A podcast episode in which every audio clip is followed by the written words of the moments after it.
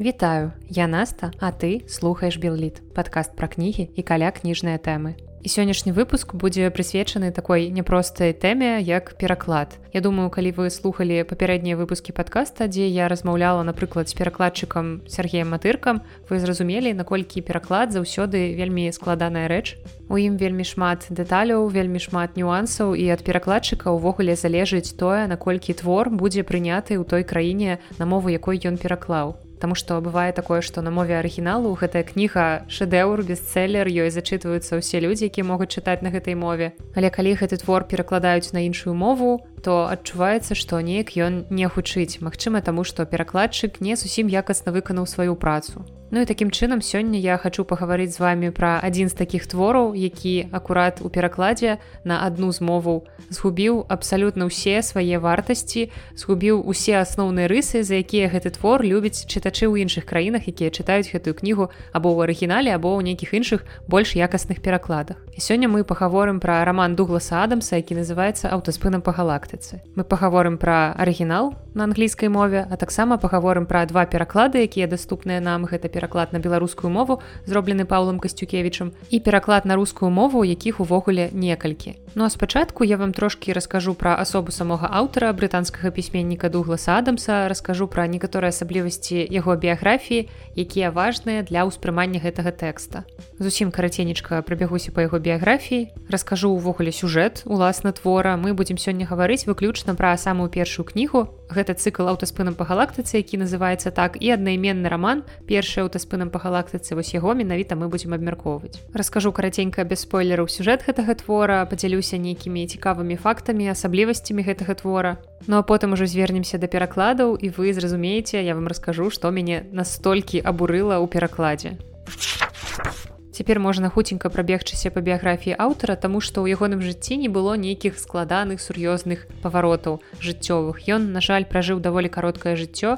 Ён памёр у 49 гадоў ад сардэчнага прыступу, але гэтае жыццё было даволі насычаным у тым плане, што чалавек, які пэўны час не мог сябе знайсці, у яго быў пэўны творчы крызіс, ён не ведаў, чым далей займацца, але ў рэшце рэшт ён знайшоў справу свайго жыцця, якая дарыла радасці шчасця не толькі яму, але яго чытачам і не толькі тады калі ён пісаў але і цяпер. І гэта чалавек які ўвайшоў у гісторыю фантастычнай літаратуры які стаў вельмі знакавай асобай для гісторыі фантастычнай літаратуры. Але пачалося ўсё ў 1953 годзе у Великабрытаніі дзе дуглас адамс нарадзіўся і далей звычайнае жыццё ён вучыўся ў школе потым ён вучыўся ў каледжы ён атрымаў ступень бакалаўра потым ступень магістра і яго спецыяльнасцю была англійская літаратура і такім чынам можна сказаць што дух ласадамс у прынцыпе працаваў па спецыяльнасці. І пісьменніцкі талент у ім прачнуўся вельмі рана, ён здзіўляў настаўнікаў, здзіўляў сваіх равеснікаў, чытаючы ім гумарыстычныя апавяданні, нейкія вершы, эсэ, якія сам напісаў. Але пасля таго, як дугласадам скончыў універсітэт, у яго на пэўны час, як я казала, з'явіліся праблемы з тым, каб неяк развівацца, каб знайсці сябе. Ён на той час ужо пісаў сцэнарыі для радыё для тэлебачання, але стыль пісьма ягоны не адпавядаў таму стылю, які тады панаваў на радыё на тэлебачанні. І таму яму даводзілася працаваць на розных вельмі дзіўных і далёкіх ад яго спецыяльнасці працах таму што трэба было не карміць сябе і таму ён уладкоўваўся на розную як бы мы сказалі брудную працу Ён быў насільчыкам у лякарні ён будаваў хлявы ён чысціў хлявы і таксама цікавая праца як мне падаецца ён быў целаахоўнікам катарскай сям'і якая зарабляла грошы на нафце і вось ён быў іх целаахоўнікам і гэта перастала мне падавацца такім смешным калі я даведалася такі цікавы факт што Дуглас Адамс быў вельмі высокага росту. У 12 гадоў ягоны рост ужо быў метр 80, а калі ён спыніўся, гэта было метр 96 уяўляеце такі вялікі шырокі мужчына. Бо калі я бачыла дугласа адамса на фото то гэта былі фото звычайна па пояс. І неяк ты не ўяўляеш увесь маштаб гэтага чалавека. Але метр 96 гэта сапраўды ўражвае. Ну а потым здарыўся легендарны сцэнарый аўтаспынам па галактыцы і нарэшце гэты чалавек здабыў заслужаную славу Але пра гэта мы паговорым пазней. Як я ўжо казала, памёр дугласадам з даволі рана ў 49 гадоў і на гэты час ён ужо пераехаў з жонкай у ЗША у Санта-барбару ў Каліфорніі. І памёр ён ад сардэчнага прыступу. Калі яшчэ дадаць нейкія скажем штрыхі да партрэту пісьменніка можна адзначыць важную рэч якая таксама будзе важная для твора гэта тое што дуглас адамс называў сябе радыкальным атэістам Прычым ён спецыяльна дадаваў слова радыкальны, каб людзі не пачыналі перапытваць, што можа быць ён агностык, можа быць яшчэ што можа быць ён вагаецца не ён канкрэтна казаў, што ён радыкальны атэіст і надалей гэты факт будзе вельмі важны для тэксту. Таксама Дуглас Адамс быў актывістам у галіне аховы навакольнага асяроддзя і нават праводзіў кампаніі ў абарону знікаючых відаў. Ну і яшчэ адзін цікавы факт, вельмі тэхналагічны, улічваючы, што ён пісьменнік фантаст, які таксама пісаў пра розныя тэхналогіі, і дуглас адамс быў карыстальнікам макінтош з моманту іх першага з'яўлення ў 1984 годзе і да сваёй смерці ў 2001 і важна што ён быў першым чалавекам які набыў мак у Еўропе а другім чалавекам быў таксама пісьменнік стывен фрай. І таксама адамс быў майстрам Apple. Гэта скажем такая пасада гэта знакамітасць якую кампанія Apple зрабіла прадстаўніком сваёй прадукцыі. Таму дуглас адам сапраўды цікавіўся новымі сучаснымі тэхналогіямі абсалютна не грэбаваў прагрэсам ён наадварот быў за прагрэс і апісваў у сваіх творах вельмі рэвалюцыйныя штукі. Я вам раскажу дарэчы якія цікавыя штукі прадказаў дуглас адамс у сваіх творах Ну а цяпер пагаворым уласна пра твор пра сюжэт гэтага твора пра гісторыю яго стварэння. І як я ўжо адзначала аўтаспынам па галактыцы гэта і назва серыі раманаў і самы першы раман у серыі пра які ўласна сёння мы і гаворым. Духлас Адам спрацаваў сцэнарыстам і гэты твор таксама першапачаткова апісаўся як сцэнарый для радыёпастаноўкі на BBC радыё. Прэм'ера гэтай пастаноўкі адбылася ў 1978 годзе і стала неверагодна папулярнай. І вось ужо пасля гэтага Дуглас Адамс перапрацаваў сцэнарыю кніг кнігу і таксама ён напісаў яшчэ некалькі далейшых гісторый пра межгалактычныя прыгоды артура дэнта галоўнага героя і яго спадарожнікаў Такім чынам першы раман аўтаспынам па галактыцы быў першыню апублікаваны ў 1979 годзе. Дуглас Адамс расказваў, адкуль да яго прыйшла ўвогуле гэтая ідэя. Ён тады п'яны ляжаў у полі ў горадзе Інсбруку Аўстрыі і глядзеў на зоркі. І з сабою яго быў спадарожнік аўтаспынам па Еўропе і вось ён глядзеў на гэтыя зоркі і падумаў, што магчыма, нехта мусіць напісаць спадарожнік аўтаспынам па галактыцы. У гэтым творы расказваецца пра прыгоды англічаніна Артура Дэнта і яго сябра І вось у гэтым моманце перад тым як я агучу імя сябра артура дэнта пачынаецца першая перакладчыцкая прыгода таму што ў арыгінале сябра галоўнага героя завуць форт прэфект імя ўзнікла не проста так. Форт прэфект гэта брытанскі аўтамабіль вельмі папулярны ў тыя часы. І калі мы пазней даведаемся што гэты герой ён зусім не чалавек ён іншы планетнік і ён абраў сабе імя таму што на зямлі ў той час гэта было самае папулярнае словазлучэнне. І ён думаў што гэта нейкае папулярнае вядомае імя і назваў сябе так форт прэфект а насамрэч ён быў жыхаром невялікай планеты на ўскраіне бітальгейзы Ну і пачынаючы ўжо параўноўваць беларускі рускі пераклады можна адзначыць што ў рускім перакладзе владимира баканова гэта той самы вядомы пераклад які выдаецца зараз яго папяровы вы можете знайсці ў кнігарнях. Дык вось у гэтым перакладзе сябар галоўнага героя так і застаўся форт прэфект але беларускі перакладчык павел касцюкевич абыходзіцца з гэтым тэкстам даволі вольна і гэта працуе выключна на карысць гэтага твора сябра галоўнага героя у яго завуць фольксваген гольф і у мяне толькі одно пытанне чаму не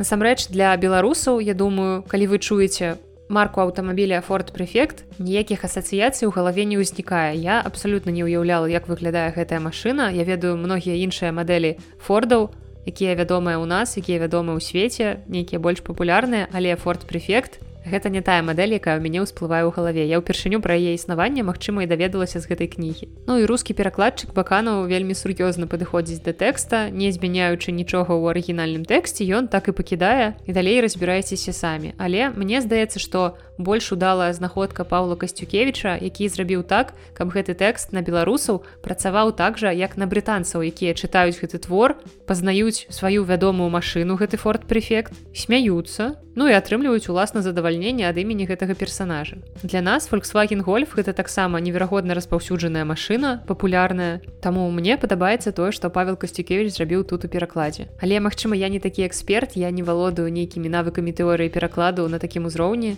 І нейкія спецыялісты могуць са мной паспрачацца, але я запытвала ў некаторых перакладчыкаў прывітанне сярожа. І яны ухваляюць пераклад Паўла Касцюкевіча менавіта з пункту гледжання таго, што ён абсалютна стылістычна застаўся ў рэчышчы арыгінальнага тэксту просто дадаючы крыху больш беларускага каларыту. Для таго каб беларусам гэты тэкст таксама быў зразумелы і самае галоўнае каб у ім працаваў асноўны элемент гэта гумар. Так што я абсалютна ухваляю усе змены паўла касцюкевіча якія былі ўнесены ў гэты тэкст. Ну і нешта я ўжо крыху адышла ад сюжэту таму вернемся да нашага артура дэнта да яго сябра якога завуць Volkswagen гольф і рэч у тым што дом артура дэнта апынуўся на шляху пабудовы новай трасы аўтастрады нейкай вялікай дарогі. І гэта такая маленькая лакальная праблема але ёсць праблема больш маштабная і гэта праблема таго што цэлая планета зямля апынулася на шляху пабудовы міжгалактычнай трасы. І таму зямля мусіць быць знішчаная і ўсё гэта адбываецца ў выніку адной бюрократычнай памылкі. Ну і ў выніку зямля ўсё ж таки знішчаецца і ў самым пачатку твора наши два галоўныя персонажы оказываются на касмічным караблі які належыць прэзідэнту галактыкі які збег. Ну і разам персонажы спрабуюць знайсці рашэнне галоўнага пытання. І цэнтральным элементам романа становіцца кніга падарожная кніжка для аматараў галактычнага аўтаспыну або просто скарочана падарожная кніжка. З цікавых фактаў яшчэ наконт імёнаў галоўны герой Артур Дэнт мусіў называцца Алерык Б. Але ў апошнюю філіну Адамс змяніў накід сцэнарыя і Артур Дэн стаў Артурам Дэнтам. Гэты раман дагэтуль карыстаецца неверагоднай папулярнасцю, яго экранізуюць, яго ператвараюць у комікс, робяць спектаклі, перакладаюць на розныя мовы і твор гэты перакладзены ўжо больш чым на 30 моваў. Дуглас Адамс гэты сцэнарый, а потым ужо і гэтую кнігу пісаў тады, калі ідэя касмічных падарожжаў была ўсё яшчэ такое, што захапляла людзей. Яна з'яўлялася неад'емнай часткай культурнага жыцця ўвогуле таго дзесяцігоддзя 70-х гадоў. Гэта адбылося пасля высадкі на месяц. І вельмі важна згадаць, што гэты твор упершыню з'явіўся ў якасці радыёпастаноўкі і гэта моцна звязана ўвогуле з прыродай гэтага жанру, Таму што навукова-фантастычныя апавяданні ў радыёфармаце аддаюць даніну павагі сумна вядомай перадачы вайна свету 1938 года у якой акцёр орсон уэллс прадставіў выдуманую гісторыю так нібыта яна была праўда ён інфармаваў сваіх слухачоў пра тое што да нас прыляцелі іншапланетнікі. І гэта неверагодна вядомая гісторыя пра тое што людзі пачуўшы гэтую перадачу а ён проста чытаў раман герберта уэлса па радыё Дык вось людзі калі чулі гэта раман яны не разумелі адразу што гэта раман яны думалі што гэта перадаюць навіны. І вось зараз будзе развейванне міфа. Калі вы чулі гэтую гісторыю то яна заўжды апісвалася вельмі гіпербалізавана про тое што людзі выбягалі з дамоў яны збіралі рэчы яны пачыналі выязджаць кудысьці за горад каб толькі спегчы ад гэтых іншапланетнікаў. І што калі я скажу вам што гэта няправда так сапраўды былі людзі якія пачуўшы гэта па радыё адразу туды патэлефанавалі каб удакладніць ці сапраўды тое што адбываецца здаецца гэта праўда. І не было нейкага масавага сыходу людзей з гарадоў. Ніхто не пачынаў займацца вандалізмам разбіваючы шкло ў крамах збіраючы там апошнія прадукты ў крамах гэта такая прыгожая легенда якая просто абрасла тонай міфаў. Але насамрэч так орсон уэллс запісаў даволі папулярную радыёпастаноўку дзе чытаў раман герберта уэлса вайна свету так сапраўды былі людзі якія пачуўшы гэта крыху напалохаліся сталі хвалявацца але гэта былі адзінкавыя выпадкі. Так што такі цікавы факт вельмі папулярная гэтая літаратурная гісторыя яна збольшага ўсё ж такі міф. Ну а дух ласадамс які расказваў у сваёй кнізе пра камедыйнае ўтаргненне іншапланетнікаў пасля якога была знішчаная зямля ён так з гумарам магчыма нам нагадваў пра вайну свету.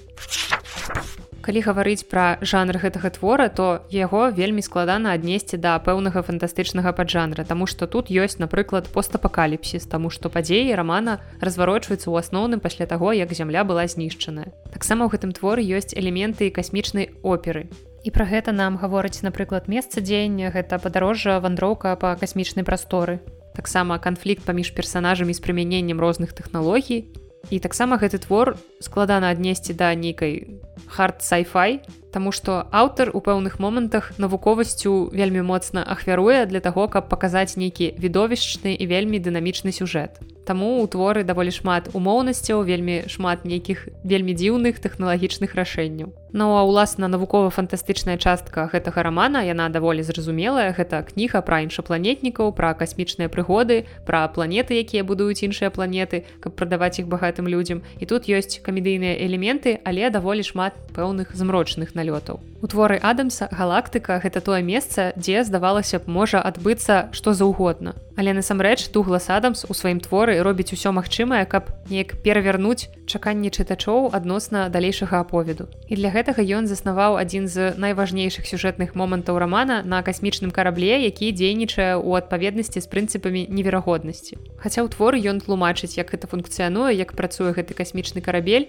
але яго тлумачэння ў значнай ступені абапіраецца на незнаёмыя паняцці і таму чытач увесь твор увогуле не разумее у яго няма нейкай поўнай навуковай карціны і нават нейкіх лагічных момантаў разумення тых самых кампанентаў якія рухаюць сюжэт. І такім чынам ён гуляе з традыцыйнай формай аповеду ён кідае выклік ідэі што выдумка мусіць быць праўдападобнай рэалістычнай або прадказальнай. І пры гэтым ён дазваляе чытачам адчуць тое ж здзіўлення той жа недавер які адчувае галоўны герой артур дэнт які ўпершыню пакідае зямлю і даведваецца што ўвогуле існуюць іншапланетнікі нейкія іншыя светы Калі зірнуць больш глыбока ў філасофію псіхалогію гэтага рамана, то мы можам заўважыць, што на працягу гэтага твора многія персанажы спрабуюць знайсці сэнс свайго жыцця і шукаюць значэнне ўласнага існавання. Аднак па меры таго, як яны засяроджваюцца на пошуках гэтага сэнсу жыцця, іх шчасце змяншаецца. І ў выніку гэтая іхняя спробы знайсці нейкую экзістэнцыяльную мэту перашкаджаюць ім увогуле атрымліваць асалоду ад жыцця просто жыць. І тут дуглас Адамс хацеў паказаць, праілюстраваўшы гэтае мноства спробаў сфармуляваць разуменне быцця,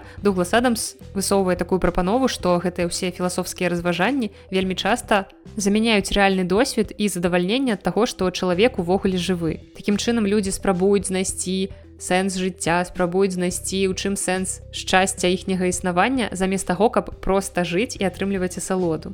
І паводле меркавання дуглас адамса самыя паспяховыя і самыя шчаслівыя людзі гэта тыя хто прымае жыццё як нейкі амаль бессэнсоўны досвед. Як нешта што проста ёсць. І як бы людзі не стараліся зразумець жыццё яны здаецца ніколі яго не спасцігнуць ніколі не дойдуць да нейкай сваёй меркаванай мэты. І паводле меркаванняў адамса вось падобныя разважанні яны часцей за ўсё людзей даводзяць акурат да непатрэбных расчараванняў карацей працуюць у адваротны бок І сам Адамс у творы паказвае, што прыняцце свайго пачуцця нязначнасці і няважнасці ў гэтым свеце і бессэнсоўнасці ўвогуле нашага жыцця яно наадварот можа дапамагчы чалавеку пражыць больш шчаслівае і больш напоўненае жыццё. Таксама ў гэтым творы вельмі часта надзяляецца ўвага імкненню даведаў. І як я ўжо сказала, хаця Адамс выступае за тое, каб прыняць бессэнсоўнасць усяго навокал, ён таксама нам дае зразумець, што імпульс да даследавання ўвогуле пытанняў пошуку ведаў таго, што мы робім увогуле на гэтай зямлі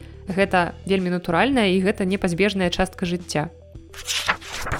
Роман напоўнены абсурдным гумарам. Усё вельмі дрэнна на зямле адбываецца катастрофа зямлю знішчаюць але дуглас адам з сваімі жартамі ў творы нас пастаянна адцягвае ад гэтага. Так сапраўды зямля знішчаная загінулі ўсе зямляне. Бацькоў галоўнага героя таксама ўжо на гэтым свеце няма яны знішчаныя і далей дуглас адамс выбівае хлебу у нас з-пад ног калі апісвае думкі артура на, на гэты конт так он таго што зямлі ўжо няма ён пра гэта разважае і самае важнае самая галоўная рэч якая яго пужае гэта тое што ў свеце не засталося ніводнага макдональдса. Яшчэ адна з важных рыс гэтага твора гэта выкарыстанне адамсам біблеізмаў. Калі вы памятаеце дуглас адамс быў тым самым радыкальным этэістам і ён лічыў довады ў абарону рэлігіі вельмі слабымі і вельмі наіўнымі. І на працягу ўсяго рамана ён выкарыстоўвае біблі сімвалізмы якія раскрываюць яго сатырычныя адносіны да рэлігіі. Напрыклад наступны эпізод і вось аднойчы у чацвер блізу дзвюх тысяч гадоў пасля таго як аднаго хлопца прыбілі цвікамі да дрэва за заўвагу маўляў як жа гэта здорава дзеля разнастайнасці пабыць крыху прыязным да іншых. Як вы разумееце той самы хлопец якога прыбілі цвікамі да дрэва гэта Ісус Христос і ён напісвае распяцце Хрыста як нешта абсалютна нязначнае. Наступная алюзія з'яўляюцца ва уводзінах да гэтага твора і таксама з'яўляецца адсылкай да бібліі. Дуглас адам спіша што падарожная кніжка аўтаспынам па галактыцы уяўляе сабой вялікую важнасць каштоўнасць і яна заваявала шырокую папулярнасць сярод народных мас. І далей такое апісанне гэтай кнігі, якое вельмі вельмі нагадвае апісанне біблій. Што ў гэтай падарожнай кніжцы прадстаўленая ўся інфармацыя, якая можа спатрэбіцца чалавеку, каб пражыць правільнае і праведнае жыццё. Таксама адзін з самых яркіх вобразаў кнігі ў галіне тэхналогій, таксама біблейскі, гэта знакамітая вавілонская рыбка. Рыбка ўстаўляецца чалавеку ў вуха і ўсё перакладае яму народную мову. І зразумела, што вавілонская рыбка гэта алюзія на знакамітую вавілонскую вежу. калі ж гаварыць пра тое што скажем гэта гучным словам вынайшаў дуглас адамс у гэтым творы з тэхналагічных штук то першае што можна згадаць гэта ўласна падарожная кніжка Таму што яна выглядае як наш сучасны смартфон але пісаў гэты твор адамс тады калі яшчэ не было толкам інтэрнэта не было мабільнай сувязі але ён прадказаў такія дэвайсы якія для нас цяпер выглядаюць абсалютна звычайна. І малая падарожная кніжка гэта просто наш телефон вялікі або планшет якім можна карыстацца як вы цяпер карыстаецеся планшетам ці телефоном і знаходзіць у ім некую інфармацыю кшталту як у вкіпедыі як я ўжо сказала вавілонская рыбка якую трэба засоўваць у вуха каб разумець любую мову. Гэта можна можна сказаць пра вобраз электронных перакладчыкаў у рэжыме рэальнага часу. І цікава што ў 2003 годзе з'явілася нават такая праграмка для перакладу называлася байбелфіш і гэта ўсё прыдумка дугласа адамса. І па сутнасці можна сказаць ён вырашыў вечную праблему фантастычных твораў тому што там заўсёды калі ты іх чытаеш у тебе ўзнікалі нейкія когнітыўныя дысанансы бо ў любым канцы галактыкі усе героі адзін аднаго разумеюць на якой мове яны б не размаўлялі нібыта ў іх ёсць адна нейкая там універсальная мова А тут вось гэта так вельмі элегантна вырашана. Таксама дуглас Адамс можна сказаць прыдумаў камп'ютары, якімі кіруюць з дапамогай голасу, дотыкаў жэстаў і нічога гэтага ў 79 годзе не было ён просто гэта прыдумаў таксама ў творы адамса ёсць аўтаматы якія робяць напоі аналізуючы ваш густ і падобныя аўтаматы сапраўды з'яўляліся ў некаторых амерыканскіх спортзалах і наведвальнікі маглі задаць пэўныя фітнес-мэты сваю вагу працэнт лушчу ў арганізме і аўтамат выдаваў ім адпаведны пратэінавы коктейль а потым яшчэ кока-кола прыдумала такія аўтаматы якія маглі змешваць больш за 100 напояў. У гэтым аўтамаце ты ўводзіш тое што табе падабаецца ён табе выдае адпаведны напой. Ну а цяпер нарэшце звернемся да тэмы перакладу гэтага твора. Пачнём мы з рускага пераклада На рускую мову існуе 6 перакладаў рамана, але з іх публікаваліся толькі два. У 1995 годзе быў першы пераклад зроблены праз 16 гадоў пасля таго, як раман быў напісаны і яго зрабіў Вадзім Філіпаў. Ягоны пераклад называўся пуцевадзіцель хічхайкера. Наступным быў той пераклад, які акурат стане самым вядомым, які будзе выдавацца, перавыдавацца і ў якім вы цяпер, як я казала, можете знайсці гэтую кнігу ў папяровым выглядзе. Гэта пераклад Владзіміра Баканова автастопам па галактыкі, які быў зроблены ў 97 годзе. Ну і далей я пералічу прозвішчы перакладчыкаў пераклады якіх менш вядомыя гэта шчарбацюк пуцевадзіцель автастопам па млечнаму пуці арынович пуцевадзіцель па галактыкі для автастопщиков печкін пуцевадзіцель вольного путешественніка па галактыкі і пераклад сумна вядомай Марыі співак пуцевадзіцель автастопам па галактыкі. І дарэчы я не чытала ніводнага з гэтых перакладаў акрамя перакладу баканова і кажуць што пераклад співак ён як не дзіўна найбольш адпавядае духу гэтага тэксту. Але ведаючы чытаючы тое што яна зрабіла з гары потарам мне неяк не вельмі хочацца звяртацца да яе пераклада ў таспыну па галактыцы. Паўтаруся што з гэтых шасці апублікаваныя былі толькі два астатнія існуюць у інтэрнэт-прасторы вы ўсе іх можете знайсці. І пераклад філіпова самы першы пераклад пуцевадзіцель хічхайкера у папяровым выглядзе здаецца цяпер ужо знайсці таксама нельга. І дарэчы філіпаў як перакладчык у асноўным перакладаў навуковую літаратуру. А вось у владимир баканаў другі пераклад якога стаў больш вядомым ён займаўся акурат перакладамі фантастыкі. І да таго ж у яго ёсць прэмія найлепшы перакладчык Еўропы ў 2004 годзе і пачынаў ён з таго што ў 70 перакладаў фантастыку для сваіх сяброў а потым ён ужо выйшаў на прафесіянальны ўзровень ён перакладаў такіх мэтраў фантастыкі як філіп дзік роберт чеклі жалязны і многія іншыя Ён стварыў нават школу перакладу владимира баканова яна даволі вядомая карацей ён даволі аўтарытэтны такі дзядзька і тым больш дзіўна мне было перачытваць яго пераклад рамана аўтаспына па галактыцы асэнсоўваючы што ён неверагодна дрэнны Мая гісторыя знаёмства з творам аўтаспынам па галактыцы пачалася яшчэ ў школе, калі я прачытала гэты твор, зразумела ў перакладзе баканова. Але тады я была малая, я тады абсалютна не цікавілася тым, хто гэта пераклаў, як гэта перакладзена. Я просто прачытала твор, які ў прынцыпе прайшоў для мяне даволі роўна. Я б не сказала, што я стала нейкай неверагоднай фанаткай. Мне падабаліся канцэпты з гэтага твора. Мне потым падабалася паўсюль пакідаць надпіс 42. Я лічыла сябе далучанай да нейкай таямніцы, калі ніхто з маіх знаёмых не разумеў, што гэта. І дарэчы, доўгі час я гуляла ў камандзе на квізах якая называлася 42 я акурат стварыла гэтую каманду назвала яе 42 і вы не ўяўляеце колькі разоў мне даводзілася адказваць што ж азначае гэтая назва. Затое тут адразу відаць просто хто свой хто чужы. Ну і такім чынам фанаткай гэтага рамана я не стала але ён мне сапраўды падабаўся. І толькі 7 гадоў таму у 2015 годзе у маё жыццё зноў вярнуўся дуглас адамс на гэты раз у перакладзе паула касцюкевича кніга выйшла ў выдавестве лохвінаў у 2015 годзе. І гэта ўжо быў прамы стрэл мне наўпросту сэрца Таму што мяне настолькі захапіў гэты твор, мяне настолькі захапіла праца перакладчыка, што кніга, дзякуючы Паўлу Касцюкевічу увайшла ў спіс маіх любімых. Ну а потым да мяне прыйшоў партал онлайнер, для якога я выступаю літаратурным экспертам ужо на працягу некалькіх гадоў. Недзе гады тры разам з калегам мы пісалі пра навінкі беларускай літаратуры, перакладной літаратуры на беларускай мове. А цяпер мы з журналістам онлайнера расказваем пра знакавыя творы сусветнай літаратуры. Выйшла ўжо некалькі выпускаў. Першы быў пра Джорджа Оруэлла і яго твор фунты ліха в Паіжы і Лондоне. Таксама на момант выхаду гэтага падкасту, калі вы яго пачуеце, ўжо будзе новы матэрыял апублікаваны пра раман франца кафкі і працэс. Ну ў сярэдзіне лютага да мяне прыйшоў журналіст онлайнер і прапанаваў напісаць пра аўтаспынам па галактыцы. Я пахадзілася з задавальненнем, таму што твор я чытала, твор, як вы чулі ўжо ў беларускім перакладзе я полюбіла. І тады я ў адказ прапанавала, што калі не проста расказаць пра гэты твор, а яшчэ і параўнаць пераклады раз у мяне ёсць такая магчымасць Ну і тады я засела ў бібліятэцы взяла арыгінал і нарэшце вырашыла прачытаць гэты тэкст яшчэ ў арыгінале каб зразумела было з чым параўноўваць пераклады. Ну і гэта было паваротным момантам усёй гісторыі Таму што я пачала параўноўваць і зразумела што рускі пераклад гэта нейкая дзіч. Але перад тым як расказваць пра ўвесь маштаб катастрофы я яшчэ трошкі дадам інфармацыі пра беларускі пераклад Павел Касцюкевич гэтую кнігу напоўніў беларускім каларытам і ўжо з першых радкоў ты чытаеш тэкст, які выдатна адаптаваны для беларускага чытача. Вось ужо ў першым сказе рамана мы можам сустрэць фразеалагізм проці ліха на ўзгорачку, які абазначаю вельмі аддалены глухі куток. Таксама дзякуй беларускаму выданню за тое, што там усе велічыні пераведзены ў метрычную сістэму. І нейкія незразумелыя мілі там перакладзены ў кіламетры. І вось у самых першых радках твора я суткнулася з вельмі дзіўнай рэччу, калі ў рускім перакладзе пазначана 98 мільёнаў міль,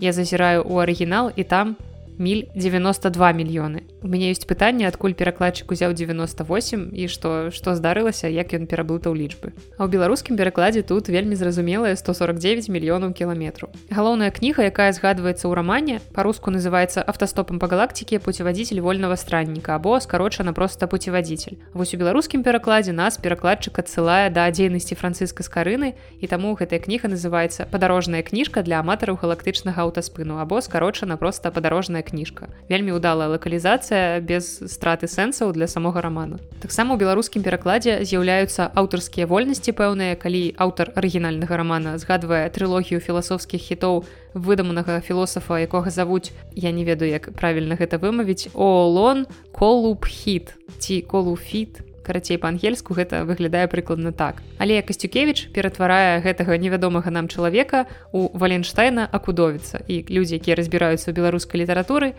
тут усе расчытаюць намёк на вядомага беларускага філосафа валенціна акудовича і самае цікавае што рускі перакладчык гэты эпізод просто праігнараваў. І ў яго просто згадваюцца кнігі трылогіі але няма аўтара. Ён просто выкінуў гэтае імя. Таксама адзін з яркіх элементаў гэтага рамана гэта ўласна гэтая падарожная кніжца а дакладней яе вокладка. На вокладцы гэтай кнігі напісаная вядомая фраза don't панік не павел касцюкевич які больш здольны да розных лінгвістычных гульняў гэта пераклаў як спакуха Але ў баканова больш акадэмічнага больш фармальнага мы бачым даслоўны пераклад не панікуй але самае сумнае што ў перакладзе баканова вельмі шмат увогуле прапушчаных або перакладзеных абсалютна без душы моманту вось напрыклад можам параўнаць эпізод які здараецца ў самым пачатку рамана дзе галоўны герой чысціць зубы. І зараз арыгінал гэтага тэксту вам агучыць сінтэзатар голасу якога завуць хью.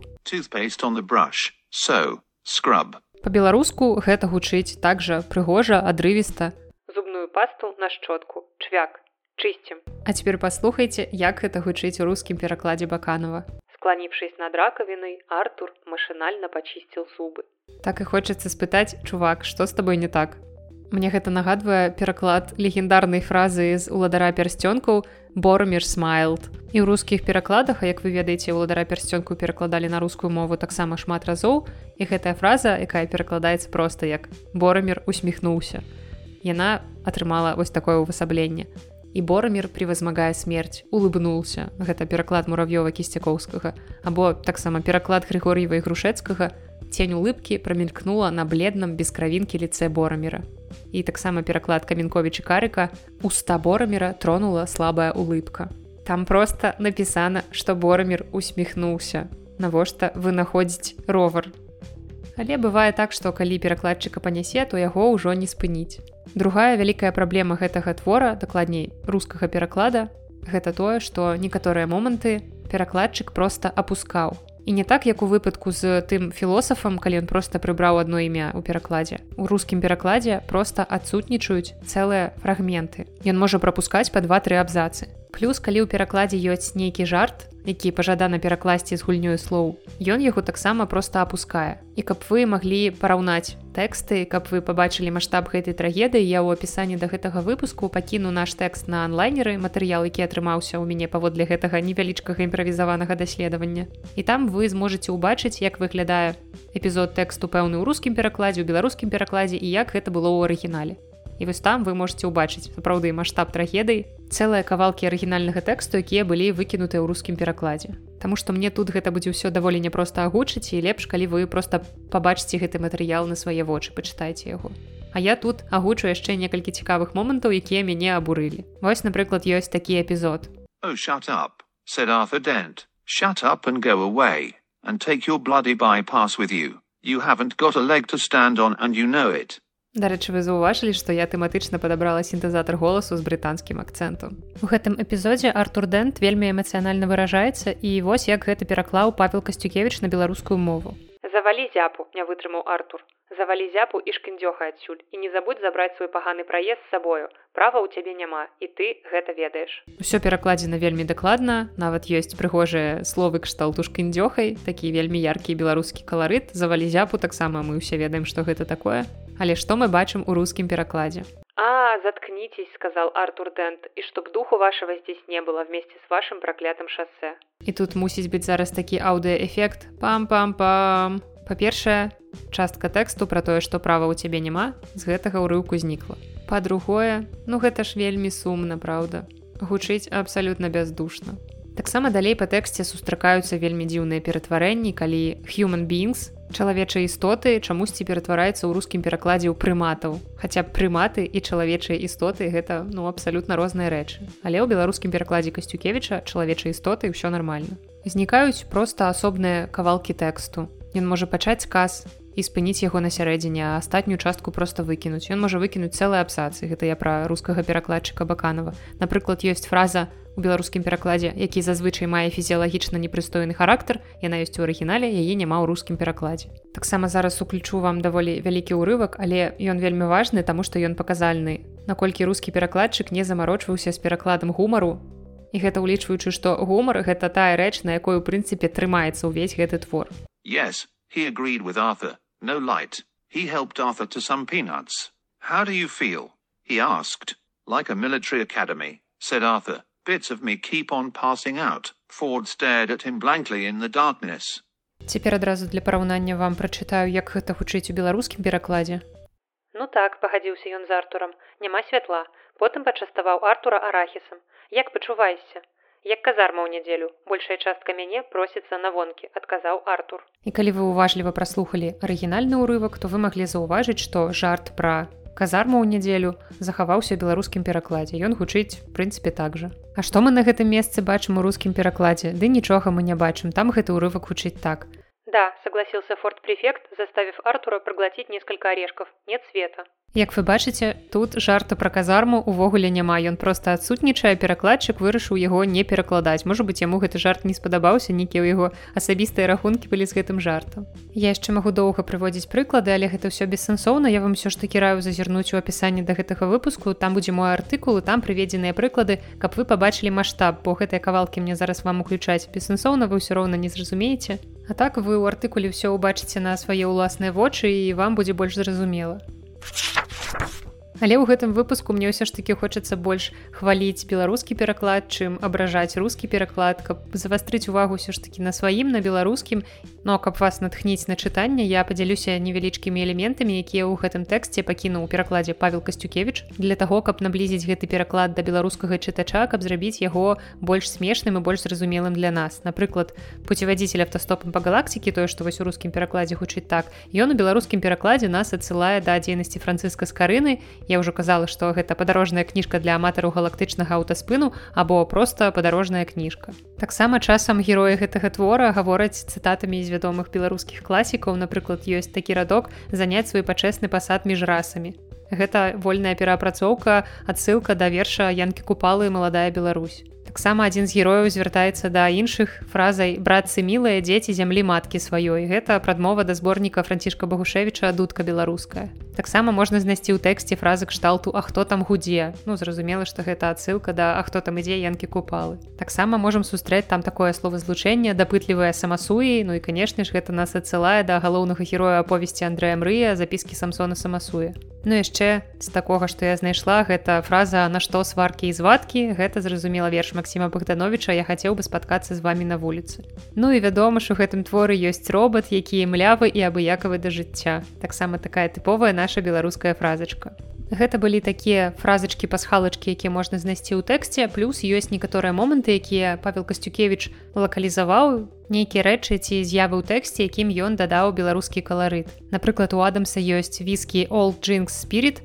У Касцюкевіча гэта віскар купалёнка таксама тое што ў рускім перакладзе перададзена даслоўна порты руднага пояса сістэмы бета арыона у касцюкевіча гучыць як мандранітавыя капальні планеты салізорск. Зразумела што гэта тыя рэчы якія не маюць асаблівага значэння для тэкста твора. Яны былі ўведзеныя аўтарам для таго каб чытач пасмяяўся з гэтага. Гэта нейкія абсурдныя смешныя дзіўныя назвы. Ну і павел касцюкевич выдатна справіўся са сваёй задачай перакладчыка адаптатара перанёсшы ўсё гэта на беларускую глебу Ну і такім чынам, калі неяк падсумаваць вось гэтае маё параўнанне перакладаў можна сказаць, што абодва пераклады сваіх чытачоў знойдуць. Адзін пераклад для нейкіх больш кансерватыўных магчыма чытачоў, нават трошкі пурыстаў, а іншы пераклад Паўла Касцюкевіча ён для тых, хто любіць перакладчыцкія гульні, хто любіць каламбуры гульні са словамі і розныя слоўныя эксперыменты. Але падкрэслю, што пры ўсёй сваёй акадэмічнасці рускі пераклад прайграе акурат за кошт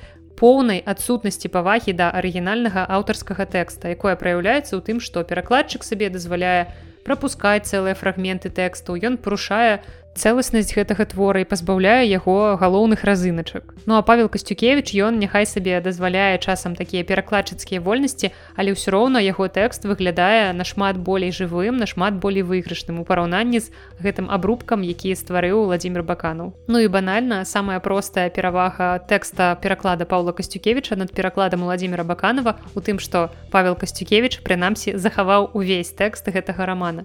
І вы упэўнены, што чытаеце яго цалкам без скарачэння вырашэнняў чаго нельга сказаць пра рускі пераклад.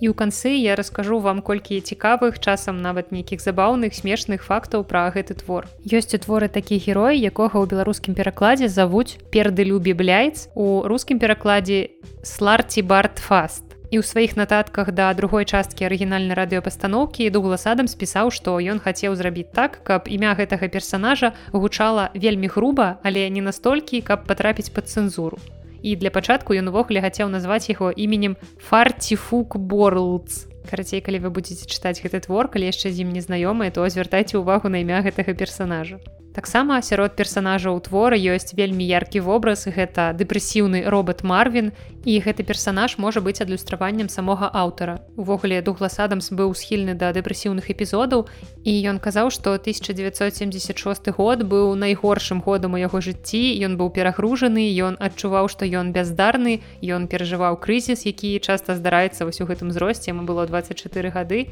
І паводле яго слоў ён скарыстаўся гэтым творам аўтаспынам па галактыцы для таго каб сябе з гэтага стану вывесці.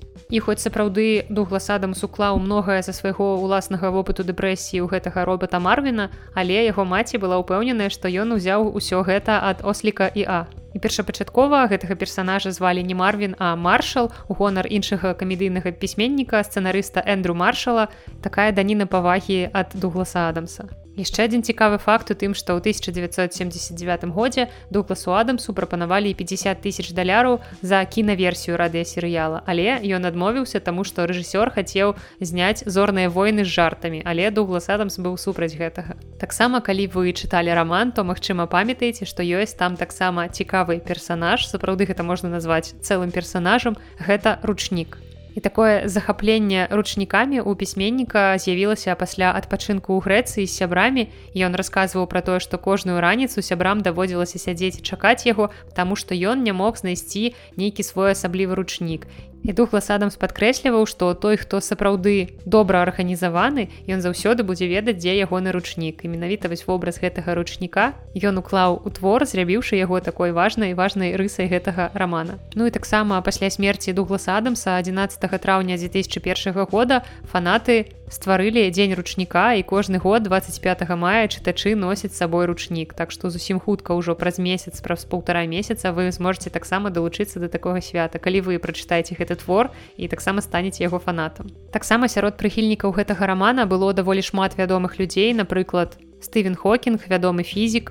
Ён нават агучыў гэтую падарожную кніжку. У 2018 годзе была перазапушчаная радыёпастаноўка гэтай гісторыі. вось Стывен Хокінг сваім гэтым механічным голасам агучыў падарожную кніжку. І яшчэ адна вядомая асоба, чыё імя непарыўна звязаная з гэтай кнігай, гэта Ілан Маск, які не раз прызнаваўся ў любові да гэтага рамана. Ён казаў, што любіць дуглас Адамса і што самы любімы касмічны карабель, які ён калі-небудзь сустракаў, быў акурат у гэтай кнізе. І тут гаворка вядзецца пра незвычайны велізарны касмічны карабель які называется залатое сэрца і прываблівае ён маска тому что ён калі ўключаны ён можа знаходзіцца ва ўсіх кропках часу прасторы і формы як заўгодна можа быть дзе заўгодна Я думаю что ілана маска прыцягвае менавіта гэта Ну і таксама калі вы памятаеце той момант калі Ілон Маск запусціў у космас аўтамабіль і там грала песня Space Одзіці Дэвіда Боуі. У гэтым аўтамабілі таксама знаходзілася кніжка копія рамана аўтаспынам па галактыцы і ручнік з надпісам Don't Пэнік. Ці як мы памятаем беларускім перакладзе спакуха. І сёння я хочу, каб вы мне ў каментарыях расказалі пра тое, ці чыталі вы ўвогуле гэты раман, на якой мове вы яго чыталі, ці трапіўся вам беларускі пераклад, ці пашанцавала вам так, ці вы чыталі рускі пераклад, ці можа толькі арыгінал. Хачу, каб вы падзяліліся сваімі ўражаннямі ад таго перакладу, якім вы чыталі, бо калі я пачынала толькі разбірацца ў гэтай тэме, я сваіх знаёмых апытывала, ці чыталі яны гэтую кнігу. І амаль што ўсе мае знаёмыя, якія чыталі гэты твор у рускім перакладзе, не засталіся ад яго ў захапленні. Ён проста міма прайшоў, ён не стаў любіць любімым і цяпер вы таксама можете зразумець чаму. Калі вы раптам чыталі яго па-руску і не захапіліся Мачыма вам варта яго перачытаць на нейкай іншай мове. Спадзяюся сённяшні выпуск быў для вас цікавы і карысны. Я мяркую што яшчэ буду рабіць нешта такое параўноўваючы розныя даступныя мне пераклады нейкіх вядомых твораў Таму што гэта сапраўды цікавая рэч і калі я пачынала рыхтаваць гэты матэрыял для онлайнера перачытваючы кнігу я ўвогуле не спадзявалася што мяне чакае нейкае такое адкрыццё што ўвесь гэты час чытачам якія чытаюць рускі пераклад пацоўвалі замест нармальнага твора нейкі кавалак тэксту просто пусты. Таму варта заўсёды калі вы валодаеце мовамі варта гэта выкарыстоўваць варта чытаць на розных мовах каб мець магчымасць кантраляваць сітуацыю. Мне напрыклад заўсёды прыемна што ёсць мовы на якіх я магу чытаць на якіх я магу зазірнуць у арыгінал і пры нагодзе я заўсёды карыстаюся гэтай магчымасцю. А на сёння гэта ўсё. Дзякую вам за ўвагу з вами была наста і падкаст белліт да сустрэчы